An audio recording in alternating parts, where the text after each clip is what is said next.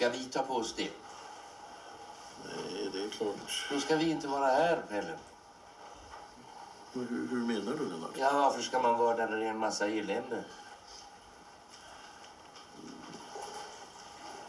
Nej, det är ju inte bra. Den dagen kommer jag vara långt härifrån. Och det ska du också vara.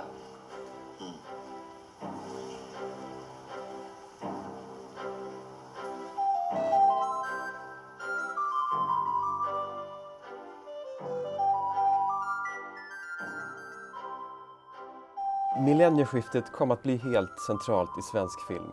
Våren 2000 hade Sången från andra våningen premiär i Cannes, där den vann juryns stora pris. Det innebär Roy Anderssons stora comeback i filmvärlden efter 25 års frånvaro. Det innebar också att fokuset för svensk film i någon mening förflyttades. Med de här framgångarna så visade Roy Andersson vägen för en ny generation filmare. Och nu, 2023, när Ruben Östlund har vunnit två Guldpalmer, är det lite svindlande att ställa sig frågan vad svensk film hade varit internationellt idag om inte Roy Andersson lyckats ro ihop den där filmen med start i mitten av 90-talet. Välkomna till ett nytt avsnitt av POV Film. Jag säger tack till produktionsbolaget Konstab och Riksföreningen Våra Gårdar. Och jag säger framförallt välkommen till filmkritiken och författaren Mårten Blomqvist som är aktuell med sin nya bok Sånger från folkhemmet. En bok om Roy Anderssons hela verk och liv. Från uppväxten i och omkring Göteborg till Lund i studentåren, vidare till Filmskolan i Stockholm och sedermera den legendariska Studio 24 på Östermalm i Stockholm. Och sedan ett år tillbaka åter i Lund. Mårten, går det att överskatta Sången från andra våningens betydelse för svensk film? Nej, eh, det var roligt att höra dig beskriva det på det där viset. Jag hade inte riktigt tänkt på det så, men det är naturligtvis så. Det är en slags eh, nyckel till eh, 2000-talet för svensk film skulle jag säga. Eh, jag intervjuade ju Ruben Östlund, har intervjuat honom för boken då, så, så, och han och eh, hans eh, producent Erik, de hängde mycket på studion och Ruben gick så långt som att han till och med sa att de, de följde, liksom, han gick på filmskolan då, de följde vad som skulle hända med sånger från andra våningen. Och hade liksom inte den gått i lås hade det inte, så, så, så vet han inte ens om han skulle blivit regissör tror jag han säger. Nej. Och det är inte bara Ruben Östlund då, som har haft framgångar i Cannes. Om man jämför liksom med åren under 80 och 90-talet så var det väldigt liten medverkan från svensk del där. Under 10-talet inte minst då, inte minst sedan SFI också har satt upp som mål liksom, att Sverige ska vara representerat på A-festivaler och Cannes inte minst så har ju närvaron där blivit tydligare också. Nu ska man inte definiera eh, filmframgång bara genom Cannes, men, men eh, den har ju onekligen satt svensk film på kartan på ett annat sätt. Liksom. När du skriver det här i, i, boken, bara för att återknyta till det här på, på mitten av 90-talet, vilket var nytt för mig till viss del, när Roy gjorde den här kortfilmen på beställning från Göteborg Filmfestival som blev mycket omtalad och som också gav en försmak på Sången från andra våningen. Härlig i jorden. Härlig i jorden, precis. Så var han liksom skuldsatt både han och hans assistent och Kalle Boman och de hade stämningar inne på både Filminstitutet och Göteborg Filmfestival. Och efter flera år kunde de lova förlikning då, där de blev faktiskt ersatta då med nästan mångmiljonbelopp. Men det var liksom, Kalle Boman berättade liksom att SFI till och med skickade liksom de här pengarna med B-post, liksom, vilket han tog som den totala förödmjukelsen. Jag, jag målar bara upp den här bilden för att det är svårt att föreställa sig för en yngre generation eh, när man vet vilken, vilken status eh, Roy Andersson och även Kalle Boman har för svensk film idag. Om jag, om jag får korrigera bara, jag, jag, tror inte de var direkt skuldsatta då. Eh, men de, de hamnade i en konflikt med, med Svenska Filminstitutet som var eh, om betalningen för eh, eh, Härlig i jorden. Eh, där de då gick över budget och enligt eh, vad som var uppgjort enligt Svenska Filminstitutet och Göteborg Filmfestival som producerade den där. Men, men de stod på sig och eh, vann i, i rätten båda två då. Det var separata rättegångar, det gick aldrig till rättegång utan det blev förlikning. Men eh, eh de var ju naturligtvis inte älskade av Svenska Filminstitutet då. Utan tvärtom så är det en sån här grej som redan då när det hände så var jag förbluffad. Det är väldigt tufft tycker jag att som, som i deras positioner då som producent i Kalle Bomans fall och eh, regissör och producent som, som Roy var att eh, eh, göra sig till ovän med stora starka Filminstitutet som ju är helt oumbärlig om man ska göra film i Sverige. Eh, men de gjorde det eh, och de, de lyckades. Ett exempel på, på Roys eh, vinnarskalle och envishet. Mm just den där vinnarskallen kan vi återkomma till senare Mm. lite grann. Men bara för att nyansera bilden också, det handlar inte bara om Cannes heller då. Man tänker så här att efter liksom floppen, kanske man får kalla det med Gilead då, som senare har reviderats eh, 1975 så var comebacken 25 år senare och nu har det nästan gått 25 år till. Eh, det är ändå speciellt att tänka sig liksom att Roy inte bara har inspirerat Ruben Östen då utan han har satt sin, sin prägel på många svenska filmares verk och även en del utländska. Och även då Kalle Boman, hans ständiga vapendragare, har ju också varit liksom väldigt framträdande som mentor för, för en rad olika filmare. Så det handlar ju om ett, en, en konstnärlig legacy och inte bara om, om, om priser i Cannes. Liksom så här. Men om man tar så här, vad, hur länge du har liksom haft idén till den här boken och hur länge har du liksom hållit på med det här arbetet? Ja, för länge givetvis om du frågar förläggare och släkt och sådär. Eh, jag är ju frilans och eh, får, göra det här liksom mellan andra jobb och sådär. Och sen, har andra sidor, eh, saker kommit emellan. Jag tror att jag, det är Bonniers den kommer på, jag tror jag kontaktade Bonniers 2015, kanske började redan. Och då, ja, då hade jag idén att jag ville göra någonting på Roy Andersson helt enkelt. Av, av, av olika skäl. Dels, han är ju en storhet, han är en av våra stora regissörer helt enkelt. En, en av de stora som har nått ut internationellt också. Men, och eh, frånsett det var jag också intresserad av Roy för att jag tyckte det fanns så mycket filmhistoria i hans liv. Han är liksom så i synk med, med eh, svensk filmbranschutveckling eller något sånt där. Att han, han började på Filmskolan när den var alldeles nyöppnad och sen så... 67? Ja, just det. Då, den öppnade 64 och han, kom in, han började då några år senare. Eh, och sen så såg jag också den här kopplingen. Boken heter ju Sånger från folkhemmet. Eh, och det finns flera orsaker till det. Men en är att, att jag ser Roy Andersson väldigt mycket som sprungen ur det svenska folkhemmet. Kommer från den eh, usla förutsättningar får man lov att säga med pappan som var alkis i Göteborg. Han, han rodde upp sig sen och, och eh, gick med i Länkarna och blev nykterist medan Roy fortfarande var relativt ung. Men hur som helst så, så var det liksom en, en sån här kille skulle inte haft någon chans om han hade varit född tio år tidigare, eller betydligt svårare i alla fall. Mm. Men Roy växte upp medan folkhemmet växte fram och det tog hand om honom kan man säga. Eh, och hjälpte honom. Så han gick på universitetet, blev den första i släkten som, som eh, fick, en akademisk, fick akademiska betyg. Då. Eh, så att, han hade ju författardrömmar väldigt tidigt där ja, som han ville genomföra i Lund och sådär när han började läsa där. Ja. Men så kom Filmskolan in i bilden. Det gick Ja. rätt fort där. Ja precis, han såg, han såg möjligheten då när Filmskolan öppnade portarna helt enkelt. Uh, utan den så eh, hade han kanske blivit författare istället. Vad vet jag, det hade varit mycket svårare att komma in i filmen i alla fall. Ja, det var väldigt roligt att höra om hans författardrömmar som inte jag hade koll på innan.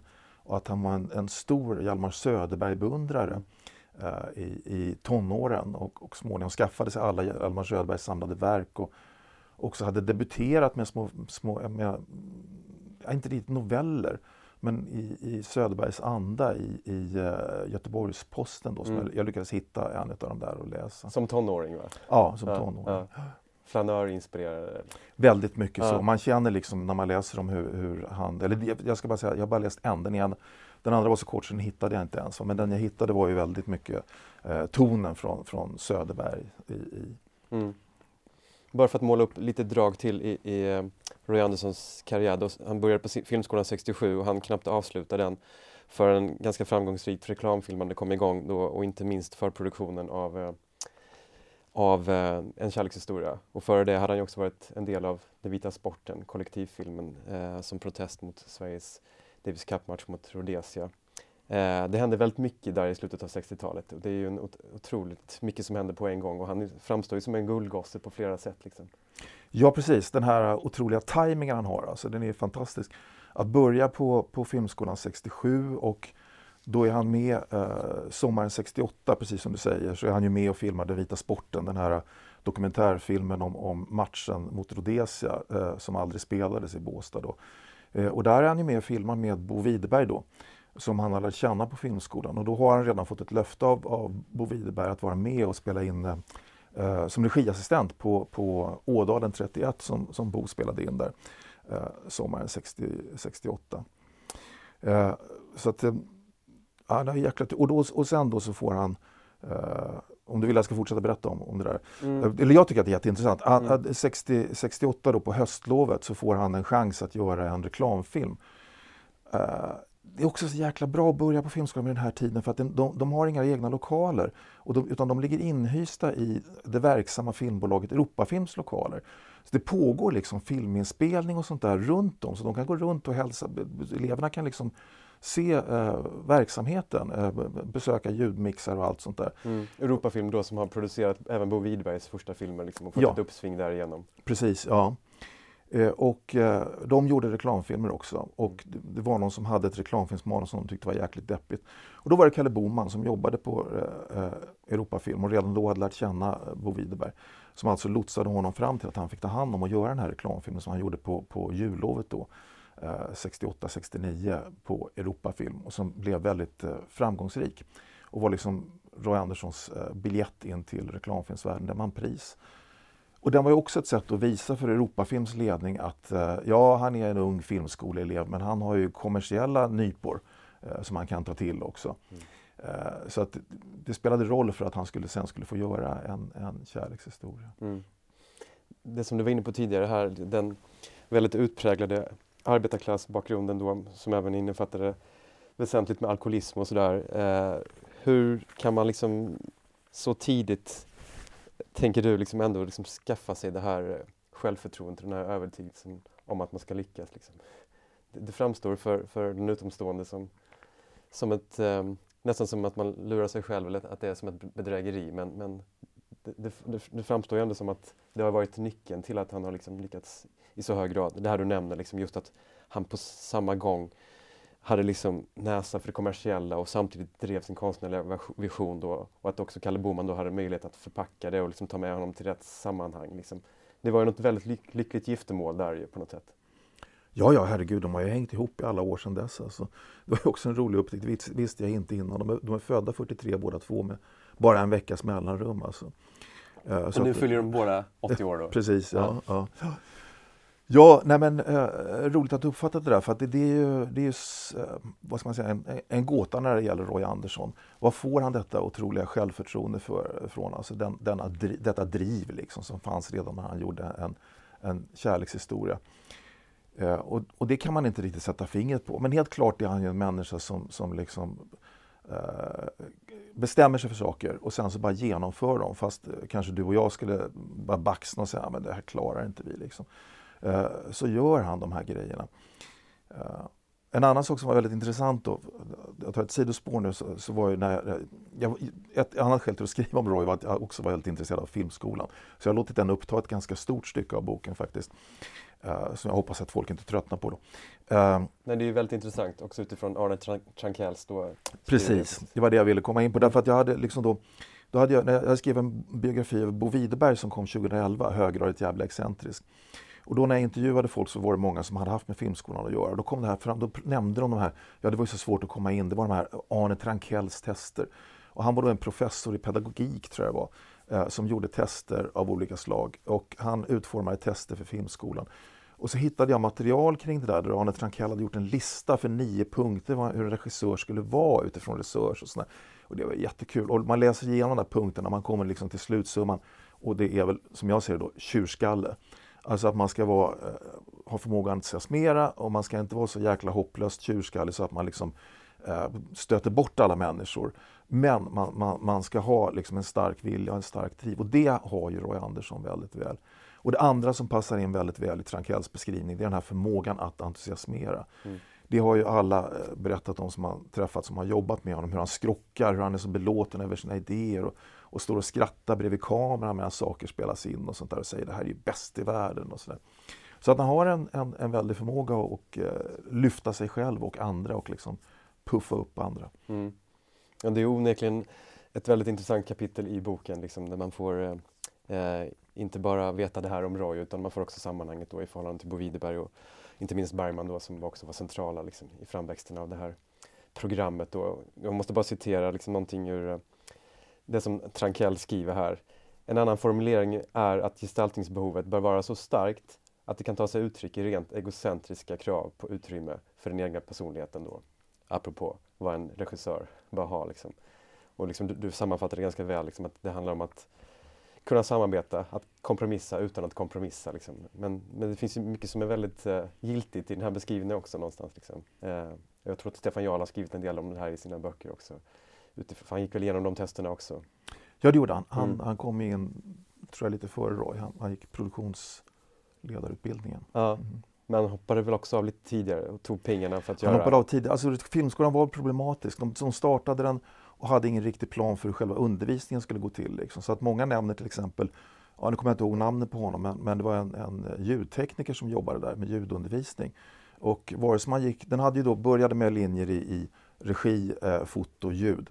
Eh, Men vilken linje man än gick i så var det väldigt trevligt att träffa den här ljudkillen. Den fick man ut jättemycket av för han, han var så bra liksom och pedagogisk. Och så, så, att, så så var det lite slumpmässigt liksom man fick ut av det.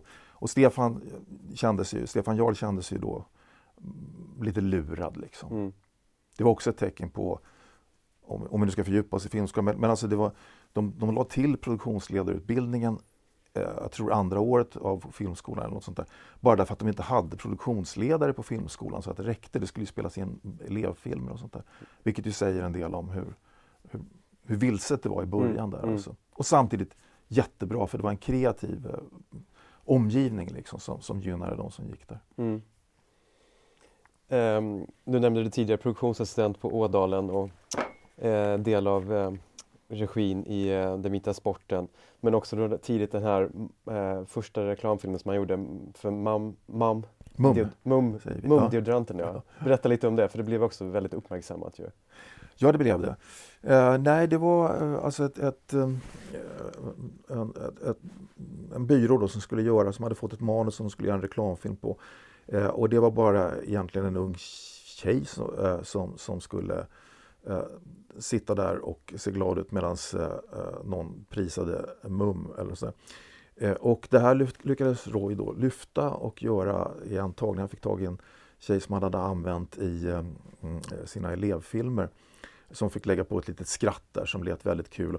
Idag ser den där filmen eh, väldigt enkel ut eh, men då så var det väl att man liksom vågade driva lite med själva produkten. Hon, hon, hon skrattade lite åt de här prisande orden i produkten eller något sånt där. Och den skickades ut och vann pris. Och eh, byrån som skulle göra den blev naturligtvis jätteglada för de hade inte sett alls att det skulle bli någonting av det. Nej, det där greppet verkar ju vara rätt nytt då, för det vann ju pris även i Europa menar jag. Ja, Ja. precis. Ja. Ja, det var nytt. Mm. Och det var ju, och det åter timing då, eh, precis vid den här tiden så inleddes ju liksom, eller den hade väl börjat kanske lite grann, en sorts reklamens guldålder. Om man, det finns olika skäl till det, men man kan ju bara peka på eh, sådana här som Warhol då, som, som att alltså den kommersiella, vad ska vi säga, den kommersiella konstens, den kommersiella formgivningens uttryck började plockas upp och intressera konstnärer. Liksom. Reklam började um, likna avantgarde nästan vid den här tiden. Så att eh, byråerna fick eh, plötsligt resurser att göra saker och, och, eh, som de inte har idag längre. Det var, skulle man börja inom reklamen så var det en väldigt bra tid att börja, eh, 68, 69 sådär som Roy gjorde. Mm. Och så kom då debuten 1970, En kärlekshistoria, som slog både i Sverige och delvis internationellt. Vann väl pris i Berlin och det är en film som har levt kvar i hög grad, som ses ganska mycket fortfarande. Jag vet att den hade en nypremiär i flera länder eh, bara för några år sedan. Och, eh, hur skulle du liksom, eh, hur skulle du liksom definiera den filmen i förhållande till vad som kom senare? Ja, den är ju helt olika. Det är ju det som är så lustigt. Liksom. Det, det är, eh, man ser en kärlekshistoria och den satte bilden av Roy Andersson. Eh, naturalistisk, väldigt realistisk med en dialog som liksom verkar plocka direkt ur, ur eh, sammanhang. Liksom. Det, det känns nästan dokumentär kanske jag tar i, men lite åt det hållet i alla fall. Väldigt realistisk, väldigt fina nyanserade eh, rolltolkningar. Och samtidigt lätt stiliserad också. Lätt stiliserad, ja. Eh, det man kan säga att det som, det som gått igenom i allt Roy har gjort, och det tror jag, han, gjorde, han satte upp en revy också när han gick i Lund. Redan i studentrevyn så, så finns den här känslan för, för stiliserad dialog som man sen eh, känner igen i, eh, ja, i reklamfilmerna till exempel och också i, i Kärlekshistoria och i Gilliap och um, ännu mer utpräglat blir det ju i, i eh, comeback-filmerna eller vad vi ska kalla dem, filmerna efter eh, uh, 2000 Mm det här att lyfta upp eh, banala fraser. Ja, det är roligt att höra att ni har det bra eh, och sånt där. Och sen så upprepa dem och eh, få dem att låta komiska eller, eller ta klangen i dem och, och, och, bygga en hel dialog med, med, med banaliteter liksom, Mm. som får ett lyft. Det, det, finns ju redan där. För det är någonting som ändå slår en. Jag menar, jag såg, du, såg de, du har ju sett filmerna kronologiskt i ditt liv. Liksom så här, själv var min första film sånger eller eventuellt någon kortfilm och reklamfilmer före. Men som du säger, alltså, filmspråket är ju radikalt annorlunda från de första filmerna. Men som du säger också, de här sakerna i, i dialog och innehåll går ju igen i hög grad. Liksom viljan liksom att stilisera repliker liksom, och låta dem upprepas. Och så, så, det finns ju väldigt mycket som, som också är gemensamt, liksom, för de är ju ändå väldigt viktiga för filmerna, de här replikerna. Ja, ja visst. Ja. Ja. Men, men, men eh, väldigt kort efter det, flera känner säkert till det, så hamnade ju, vilket du ägnat ett helt kapitel här i boken, liksom, eh, så drabbades den av en slags framgångsdepression, kallar du det va? Ja, precis. Den hade jag hört talas om några år tidigare och vi kunde prata mer om det. är Roy Andersson som kallar den en, en framgångsdepression. Efter att En kärlekshistoria hade haft premiär då och blivit en enorm succé och han fick eh, framträda och uttala sig och sånt där så blev han, han uttrycker det på olika sätt. Han blev trött på sig själv liksom och, och, och, eh, och greps av någon slags svart depression. Depressioner är ju svårt eh, att förstå sig på om man inte har genomlidit den själv. Det är något, något väldigt speciellt. Eh, och det finns ju också ärftlighet i det. Och Roys pappa hade fruktansvärda depressioner. Någon där han liksom trodde nästan att han skulle dö av, av denna depression och sådär. Så det här sänkte Roy Andersson. Men han kom sig rätt snabbt och liksom arbetade sig upp på egen kraft. Han, han, han åkte till Dalarna. Han fick med tabletter som Europafilms läkare eller någon läkare de hade kontakt med hade eh, gett honom. Men Roy tyckte inte att de funkar bra på honom så han slängde bort dem. Och liksom på något vis bet ihop och drev sig själv genom denna depression eh, där uppe i Dalarna där han höll till ett bra tag då. Och, och jobbade en del på hotellet där, där han bodde. Eh, gick skidturer med, med, med, turister och stod i baren och allt möjligt. Så det, var, det är slående. Hans pappa hade något, någonting att när han blev deprimerad så gick han ut och gick jätte, jättelånga promenader så där, rent fysiskt. Och det låter ju, när Roy beskriver det, som om han, hade, som han gjorde likadant liksom, för att ta sig igenom den. Svarta Siljan där? Ja precis. Ja. Det var något uttryck som, som jag hörde från Kalle Boman faktiskt. För de hade ju kontakt i telefon och de hade ju startat ett litet bolag redan för, för att ta hand om musikrättigheter och göra reklam också. Uh, och uh, det, var som, det var som om Siljan ropade eller något sånt där. Den, den var svart och, allt var svart och mörkt. Så de kallade den depressionen för Svarta Siljan tror jag. Mm, mm. Mm. Men som du säger, han återhämtade sig ändå tämligen fort för att han skaffade familj, liksom gick in i nya reklamfilmer och inte minst började planera för sin andra långfilm då som också var väldigt inspirerad av den här tiden. Eller hur? Ja, det kan man säga. Han hade en eh, film, Två bröder och en syster, jag hoppas jag kommer ihåg titeln rätt, som, som de kom väldigt långt med i, i produktion. Och den, till och med det var ett sånt tidningsartiklar om att den skulle göras. Eh, men den blev inte av. Eh, och han gick till Sandrevs från Europafilm då. Och så gjorde han eh, filmen Giljap. Som ju kretsar kring ett hotell. Och där förstod jag då när Roy berättade om, om hotellet i Dalarna där han hade bott att det måste vara inspirerat. Han måste ha hämtat en del ifrån de erfarenheterna mm. när han gjorde den här eh, Giljap då. Mm. Som ju blev en, en fruktansvärd flopp. Tog väldigt lång tid att göra. De höll på jättelänge med efterarbetet. Eh, och sen så fick den fullkomligt nedgörande recensioner. Eh, långsam, obegriplig, eh, tråkig. Mm. Jag menar, i, ingen gick och såg den nästan. Nej, det är svårt att förstå för en som kommer från en yngre generation då, när man ser filmen i efterhand. Då. Hur upplevde du det då? För du var ju, du var ju mer eller mindre vuxen redan då. Ja, det var jag. Ja, eh, ja precis. Nej, alltså det intressanta med den var att den fick en, en, en backlash, eller det kom, det kom försvar för den. Mm.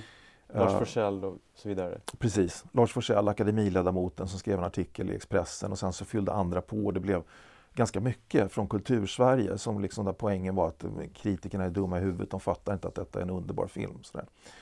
Och jag var ju väldigt filmintresserad redan då. Och jag hade inte sett den uh, liksom ursprungligen, det var ingen jag rusade och såg. För att jag var lite för ung för en kärlekshistoria, så en kärlekshistoria hade inte jag sett vid det här laget. Så för mig var Roy Andersson liksom, ja, en svensk filmare som jag inte hade så bra koll på. Men då när det här försvaret kom så, så gick jag och eh, den kompisen jag brukade gå på bio med, vi gick och såg den båda två. Och eh, blev ju väldigt tagna då.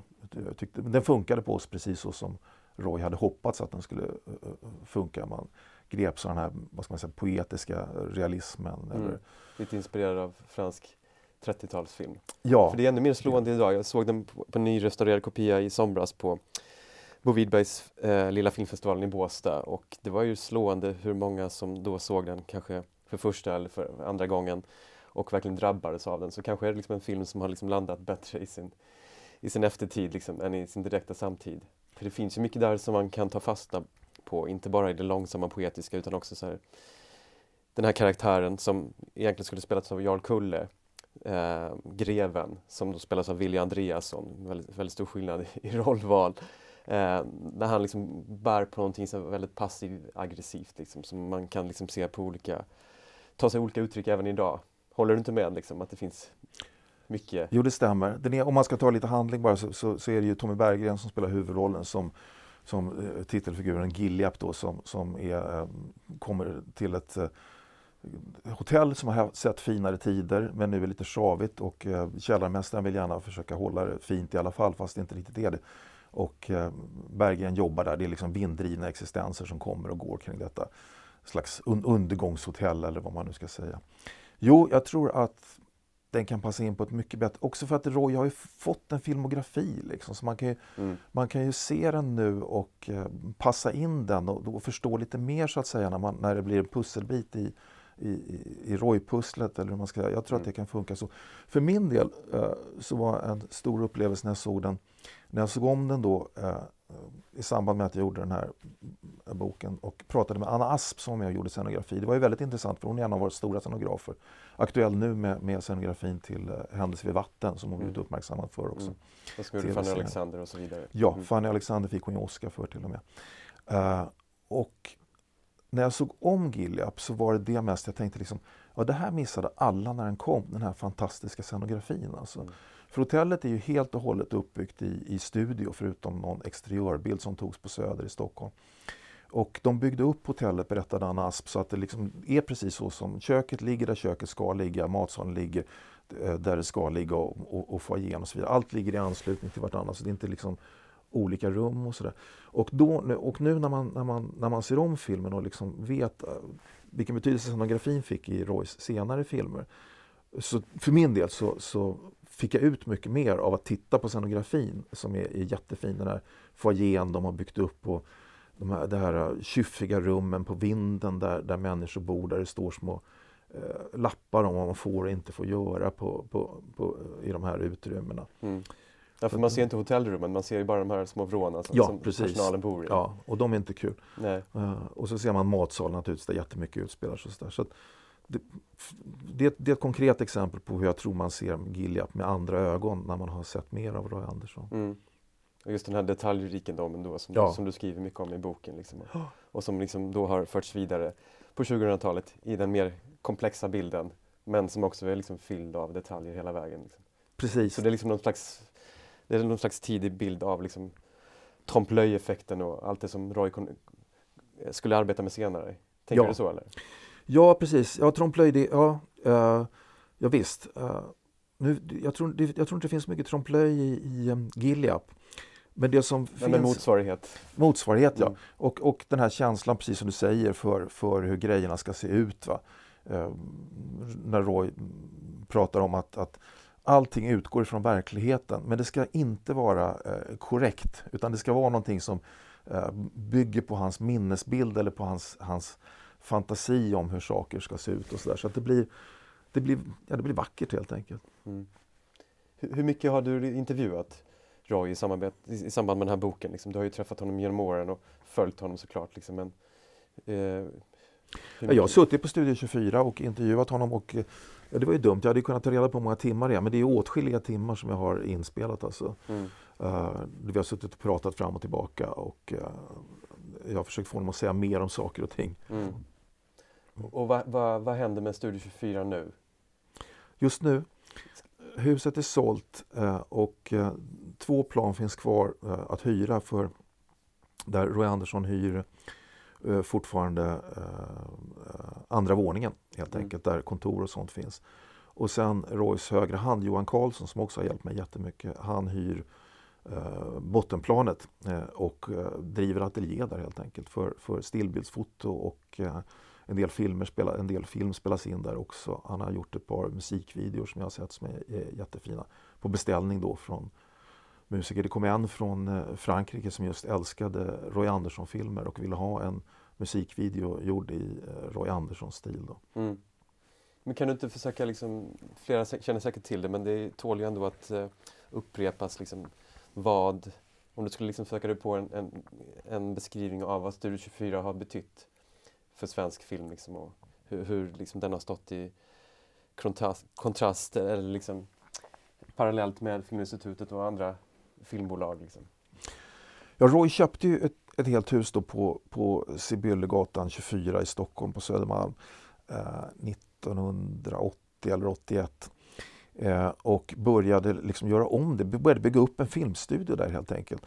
Ett, ett, ett litet filmbolag på ett sätt som inte finns längre, som, som höll på att gå ur tiden, eller hade gått ur tiden redan vid den tiden. Alltså ett, ett filmbolag där man har en, en, en ljudstudio, där man har en, en filmkamera och filmateljé och allting kan göra nästan från ax till limpa eh, film där. Eh, och det där gjorde han målmedvetet och eh, finansierade alltihop med reklamfilmerna han gjorde. Eh, alltså han, han, har ju, han blev ju aldrig rik på det utan han plöjde ju in allting i, i, i verksamheten. Eh, och eh, reklamfilmen ska också sägas vara ett sätt för honom hela tiden att få fortsätta göra film, att, att eh, utveckla sitt filmande och prova olika tekniker och sådär. Det var det som var liksom verksamheten. Istället Ja. för att leverera en film per år som också sen spelar på biografer så gjorde de reklamfilm. Så man kan väl på ett- på ett sätt liksom jämföra det med som det fungerade i alla fall på 60-talet med de olika bolagen då som både producerade och, och hade biografer. Ja, Ja. precis. Absolut. Ja, han blev ju säkert en av våra, de mest sedda svenska filmregissörerna på kuppen. Och så. Ja. Eh, och eh, sen så började andra söka sig dit då. Det, folk som liksom gillade, unga män, män speciellt, som gillade Roy Andersson kom och i stort sett eh, bankade på dörren och frågade om de inte kunde få bli regiassistenter. Staffan Julén som senare gjort dokumentärfilmer.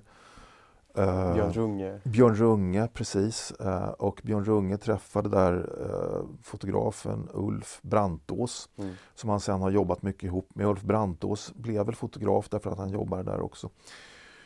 Och de, de kom ju där och fick bli regiassistenter och upptäckte att de, de fick ställa sig och, och hjälpa till med ombyggnaden. Liksom. För det pågick ganska mycket hela tiden att de byggde om lokalen så att den skulle fungera som, som filminspelning och ateljé. Och de hade ju hyresgäster i det där huset också så, så Staffan Julén berättade för mig att liksom de, de, fick ju då, de kunde bli uppkallade till, till hyresgästerna som sa liksom, ja, men nu är det stopp i avloppet här och då fick Staffan försöka så gott han kunde reda ut det där och låtsas att han hade kompetens och var vaktmästare, vilket han egentligen inte hade.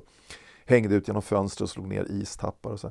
Och för många av dem så var det ju väldigt, de kunde få låna utrustning till en del. Eh, där förgick sig Roy lite och upptäckte att det, det funkar inte riktigt, det blir för dyrt där.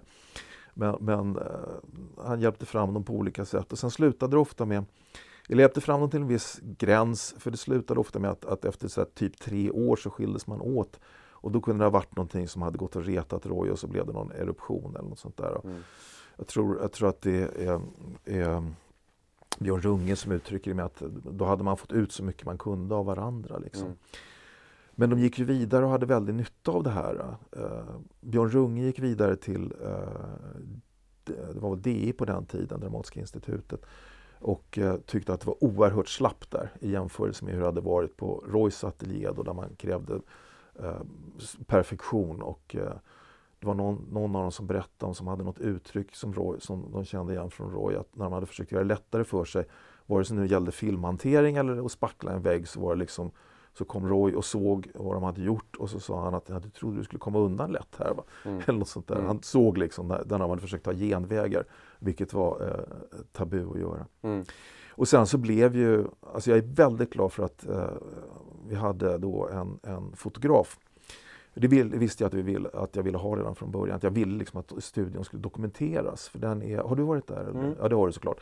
Den, jag tycker att den kunde vara på hans eh, verksförteckning, alltså, för den var ju så fantastiskt fin och speciell med alla utsmyckningar och grejer. Och, och Roy, man gick runt intapetserade Ja, cykeltjuven, omslag, äh, affischer och sånt där. Ja, precis. Jättefint. En jä- jättefin affisch för, för, för, eh, fransk är den väl, för cykeltjuven Mm. som, som sitter i, i köket där fortfarande som eh, Roy fick av sin dåvarande hustru, en jättestor en. Och den eh, limmade han upp på väggen och sen så fernissade han på den och sen så drog han över den med någon slags roller som han hade köpt eh, utom, det var i Rumänien de hade varit och hittat de här som man gjorde fattigmanstapeter med. Liksom. De, de hade mönster på sig de här gummitristerna då. Och sen så kunde man doppa dem i färg och så, fick, och så rollade man och så fick man det mönstret på, på, på väggen. Och Roy istället körde med fernissan den så att det fick liksom lite struktur ovanpå den där eh, affischen. Då. Så, sånt där ägnade han sig åt. Så den är ju, eh, var på alla sätt och vis en, en sevärdhet i sig med det här fantastiska eh, verkstaden de hade där nere. Mm. Sen, efter jag hade skrivit boken så hörde jag att någon hade beskrivit Roy som en, ja men han, han blev filmregissör för att kunna få en verkstad. Mm. Eh, och lite så kunde det kännas när man klev in i den där verkstaden där precis allting fanns för att bygga alla, alla scenografier som de behövde. Och så, där. Mm. så det är jättemycket bilder från, från denna vackra och intressanta eh, Studio 24 i Mm. boken också.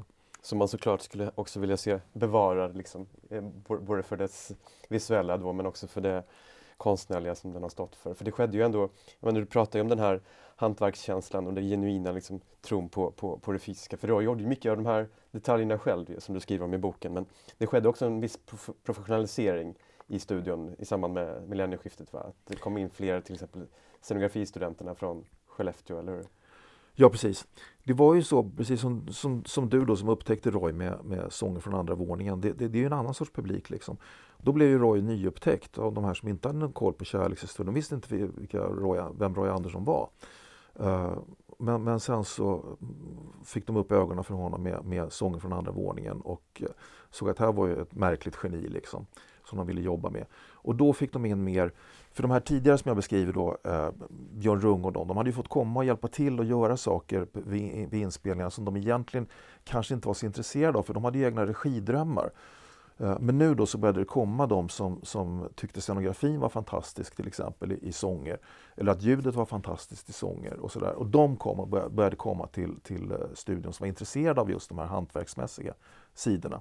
Så då fick de in lite mer eh, professionalism i, i, i studion. Mm. Och eh, jag pratade med Johan Karlsson, då, Roys högra hand om det där, som, som tycker att, att det var på gott och ont att det, att det kom in. Liksom, att, eller inte på gott och ont, det kanske är fel att säga. Jag ska inte säga att han hade tyckt att det hade något ont med sig, men att det, det blev en annan, lite annan inriktning på, på filmskapandet efter det, menar han. Mm. Bara för att återkomma lite till eh, i korta ordalag Roys karriär då efter Sången från den våningen som prisades i Cannes så eh, kom Du levande 2007, visades också i Cannes utan priser då. Sen kom ehm, eh, Duvan 2014 va, och vann Guldlejonet i Venedig då efter att ha blivit ratad i Cannes. Men du har satt på en gren och funderat på tillvaron, ja. Precis. Och sen den senaste filmen då som förmodligen är den sista om det oändliga 2019 va, som Mm. vann regipriset i Venedig. Jag tänkte bara den här tiden mellan Sången från den våningen och eh, Du levande tog ju ändå väldigt mycket längre tid än han hade hoppats på för att det var ju återigen en del eh, konflikter, i alla fall problem liksom, i förhållande till, till Filminstitutet och att han inte kunde visa upp ett manus och sådär. Till slut så snabbade han, liksom på takten och gick över till det, till eh, det, det digitala liksom, för att kunna få ut fler filmer, eller hur? Visst var det så? Ja, det vet jag inte om han gick över till digitala för att få ut mer filmer. Nej, Det var väl bara en naturlig utveckling som jag har fattat det. Men för att processen till viss del var så pass omfattande med att bygga upp de här eh, otroliga eh, studiebyggena liksom, och att liksom då övergå till det digitala innebar att han kunde ju fuska lite grann med, med bilden på ett annat sätt liksom, för att få in så många detaljer som han ville, eller hur? Vissa saker, ja visst, absolut. Eh, Duva var ju, en, Duva var ju första som, Första. Han, som, han gjorde Mm. helt digitalt då. Eh, Och, eller som han gjorde dig, digitalt. Och eh, han tog, han tog vara på, på möjligheterna då i, i, i några stora scener. Bland annat den mycket berömda från eh, där eh, Karl XII rider in i en modern eh, servering. Mm. En fantastisk bar. scen. Ja, en fantastisk scen. Och det var hästar och grejer och sådär. Och det där hade ju inte gått, och det är ju riktiga hästar, men, men han, han helt enkelt duplicerade, duplicerade. Så man kan säga, om man pratar om det digitala så utnyttjade ändå Roy Andersson de, de möjligheterna rätt lite. Han utnyttjar dem till att liksom kombinera bilder egentligen, huvudsakligen skulle jag säga. Inte så mycket, eller väldigt lite, att, att bygga upp miljöer i, eh, digitalt. Utan de byggdes fortfarande på plats. Det var, det var så han ville ha det och det, det är så han har fortsatt att jobba. Mm, apropå eh, Karl XII, det är ju en favoritscen för många. Har du liksom några, det har du säkert, men är det någonting som du skulle kunna nämna nu? Liksom ett par, tre scener som har satt sig liksom från, från långfilmerna eller kortfilmerna eller reklamfilmerna? Ja, absolut. Uh, alltså, Kanske svårt att komma på på raka armen. Någonting. Nej då, nej men uh, vad heter det? Jo men alltså det är egentligen så enkelt, eller det är enkelt skulle jag säga att, att vad det gäller en kärlekshistoria så tycker jag helt enkelt, det är en kärlekshistoria mellan, mellan eh, två väldigt unga människor. De var i tidiga tonåren faktiskt. Eh, och den är mest berömd för scenen på fotbollsplanen när det har uppstått en fnurra på tråden mellan eh, Rolf Solman och Ann-Sofie Kjellin då, som spelar huvudrollerna. Och hon står och, utanför Gunnebo-stängslet och tittar in. Han står och snackar med killar och bara håller ryggen mot henne. Och hon blir mer och mer förgråten, liksom, eller förgråten i halsen. Och sen så eh, rusar hon in på fotbollsplanen samtidigt som han bara tufft eh, startar moppen och åker iväg därifrån. Eh, och hon blir helt förkrossad. Eh, jag tror hon går ner på knä liksom. Och sen så är bilden stilla och ser den här eh, den fantastiska musiken och så ser man mm. moppen komma tillbaka in under träden liksom. Och han bara hoppar av moppen i farten och de ställer sig och kramas en underbar scen alltså. Mm. Det är liksom, det, det, och Björn Isfälts musik. Ja, Björn Isfälts musik. Flickan som ja, vad, bra, här. Ja, vad bra att du sa Postillon Damour. Som, som, ja, tjejen som står utanför. Ja. Det är en ja. klippning till, till väninnan som står utanför och bara gråter när hon ser den här mm. vackra scenen. Jag, jag blir nästan lite tårögd när jag pratar om den. Ja, men den är jättestark och bra tycker jag. Det var en jag. fin detalj där, att du nämnde liksom i boken att det utspelar sig på Bellevue planen då som ligger bakom Wennergren Center. Eh, det är så roligt att få olika platser liksom, så här, för att mycket, mycket är ju studio liksom, men, men eh, och även det här Bosarevski hotellet i Giljap som, som är på väg upp mot Mosebacke, eller hur? På ja, just det, precis. Där, ja. Alltså på mm. Södermalm i Stockholm. Mm. Så någon, någon mer scen då? Förutom den här extremt ikoniska? Ja, uh, sen skulle jag gärna ta en då från en reklamfilm och då undrar om inte min, den, den jag spontant ofta kommer att tänka på som jag gillar väldigt mycket, den som, som heter Tullen. Eh, skådespelaren Björn Gustafsson som alltså inte är komikern Björn Gustafsson utan en betydligt äldre Björn Gustafsson. Inte så en annan komiker ja, precis. fast med, med drama. Han, det är reklam för Estrella och han ska igenom tullen i något man tänker östeuropeiskt land liksom. Och eh, blir tillfrågad om vad, vad är det för som står på de här påsarna, vad är det för siffror? Vad betyder numren? Säger någon, någon tolk väldigt då. För, för tullarna pratar på sitt språk och säger braccia numrero eller något, sånt, något påhittat språk. Och Björn Gustafsson är väldigt svettig och rädd och säger ja, du, du anger förpackningsdatum så de är färska och eh, tar sig igenom tullen. Jag är jättesvag för den. En, en väldigt enkel liten reklamfilm men rolig, eh, stämning, eh, fin scenografi och sådär. hur, hur, just valet av Björn Gustafsson då. Björn Gustafsson vann ju för, för övrigt en hedersguldbagge i år. Ja, vad roligt. Eh, hur, ja. hur, hur eh, valet av honom, då vet du någonting om den bakgrunden? Alltså, vad hade han för liksom, anseende då? Och, hur togs han emot liksom, i det här sammanhanget då? Det var inget som var uppseendeväckande så att han var med där? Nej, nej, nej. nej. Han, var, han var en eh, jättestor och populär skådespelare ja. redan på den tiden. Ja. Så, att, eh, så enkelt var det väl. Och, eh, senare använde ju Roy, höll sig Roy borta från, från kända skådespelare kan mm. man nästan säga. Men, men då använde han dem ju fortfarande. Han, han hade ju Lars Ambling en del reklamfilmer mm. också. Sådär. Mm. Men, men Gustafsson funkade ju jättebra där. Och är det någon skådespelare som man använder återkommande som Bengt C.V. Karlsson så är det ju ofta för att de har en väldigt speciell röst ju. Ja, det har ju Björn Gustafsson lite grann också. Ja, det har kan man tänka ja. Ja. ja. han är ju, han är ju jättekänd för uh, Alfons Åberg-filmerna nu för tiden. Mm. Mm. Har, du någon mer, har du någon mer favoritscen än de två? Ja, sen vill jag ju ta någon från senare produktioner då och, och då, så, då så tänkte jag med en gång på en, en som jag tyckt mer och mer om ju mer jag tittat på den. Det är från Eh, du levande som jag tänker på lite som Roy Anderssons musikfilm för det är så mycket musik i den. Roy, Roy spelade ju musik tidigt som, som ung också. Sådär. Uh, och där finns en scen, uh, ett, ett, en, en, röd tråd i den här filmen är ju uh, tjejen Anna som letar efter Micke Larsson som är någon popstjärna som hon är väldigt besatt av. Och hon dyker upp i något som ser ut som ett eh, ABF-hus, en, en, en sal då där man ser att det sitter något litet gäng gubbar, någon har bastuba och någon har banjo och någon har trumpet och det regnar utanför. Eh, och eh, hon frågar efter Micke Larsson men han finns inte där. Så det är lite sorgligt på sätt och vis för hon har hoppats träffa honom där. Men det finns en sån stämning av just folkhem i det där regniga stället och så börjar de spela en, en jazzlåt de här eh, gubbarna som hörs medan regnet eh, rinner utanför. Och jag ser det där stället och tänker liksom, ja det här byggde då och jag, jag, är nästan säker på att Roy tänkte likadant. Liksom, ja, det här byggde då det svenska samhället och sina medborgare för att de skulle kunna komma och förkovra sig och eh, utbilda sig och, och liksom växa som människor andligen. Då.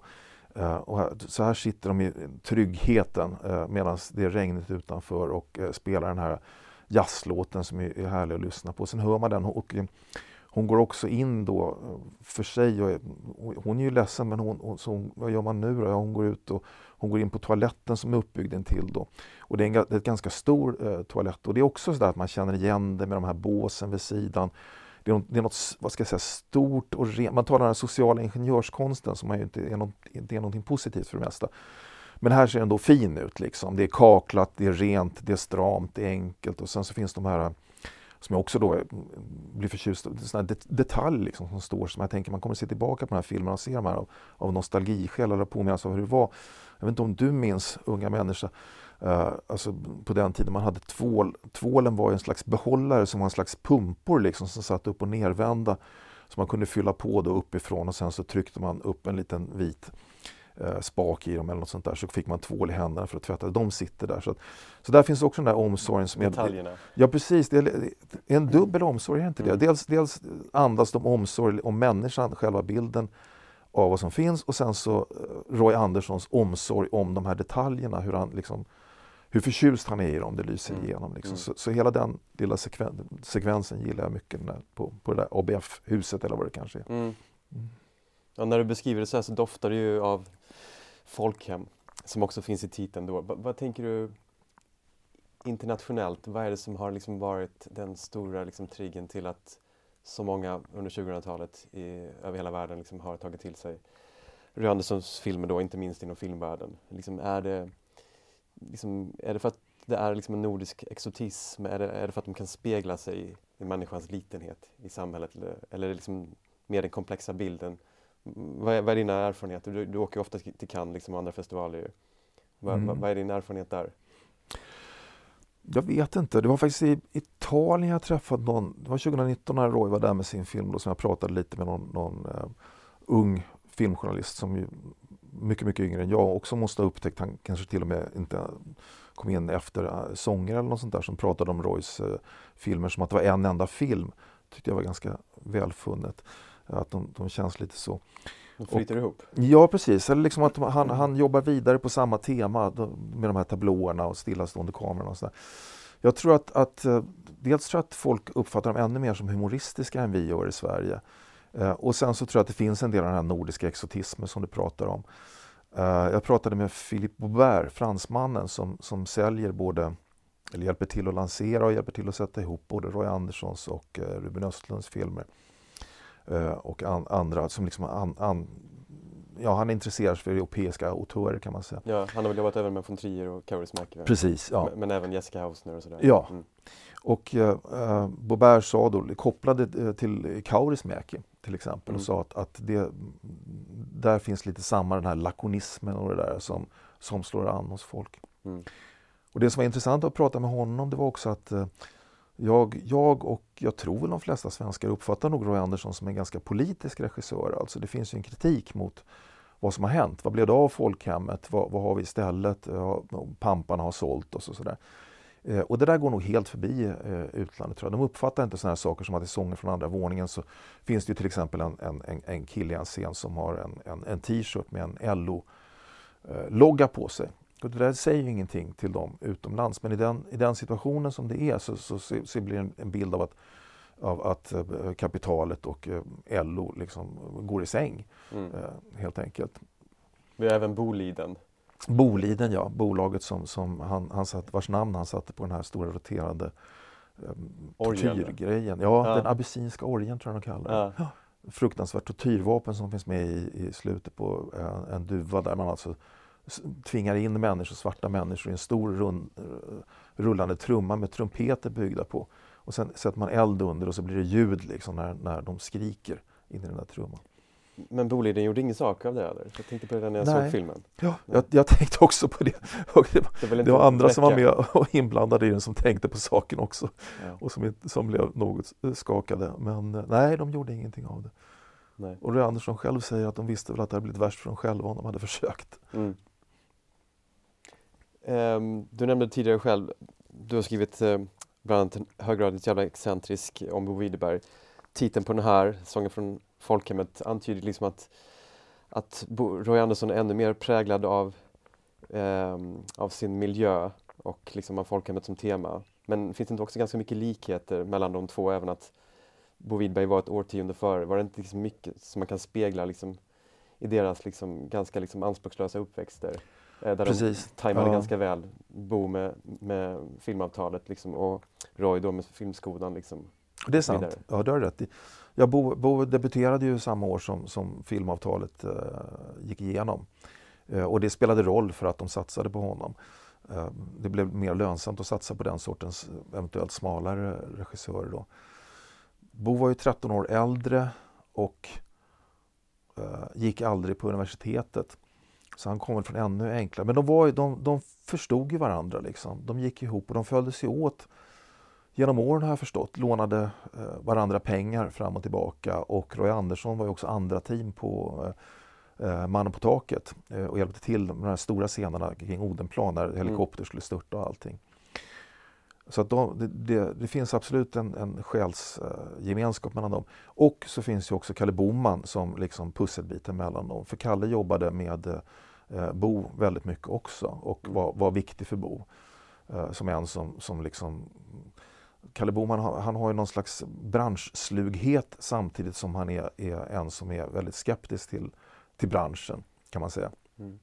Och, och på det viset blir han en väldig hjälp för outsiders. Mm. Ja, vi ska ju påminna om det också att den här boken är inte bara om Roy Andersson utan man får ju också ganska mycket nycklar liksom till, till Kalle Bomans person och funktion i svensk film. Men, men innan vi släpper det Mårten, nu när den här boken kommer, vad, vad skulle du liksom, är det någonting särskilt som du, ur den här boken som du skulle vilja liksom, att publiken tog fasta på? Liksom? Är, är det någonting som vi har missuppfattat specifikt om Roy liksom? När, när vi sammanfattar hans karriär? Missuppfattat? Jag vet inte. F- Det som är underrepresenterat? ja, uh, reklamfilmer skulle jag säga. Mm. Eh, det var en stor upptäckt för mig i alla fall.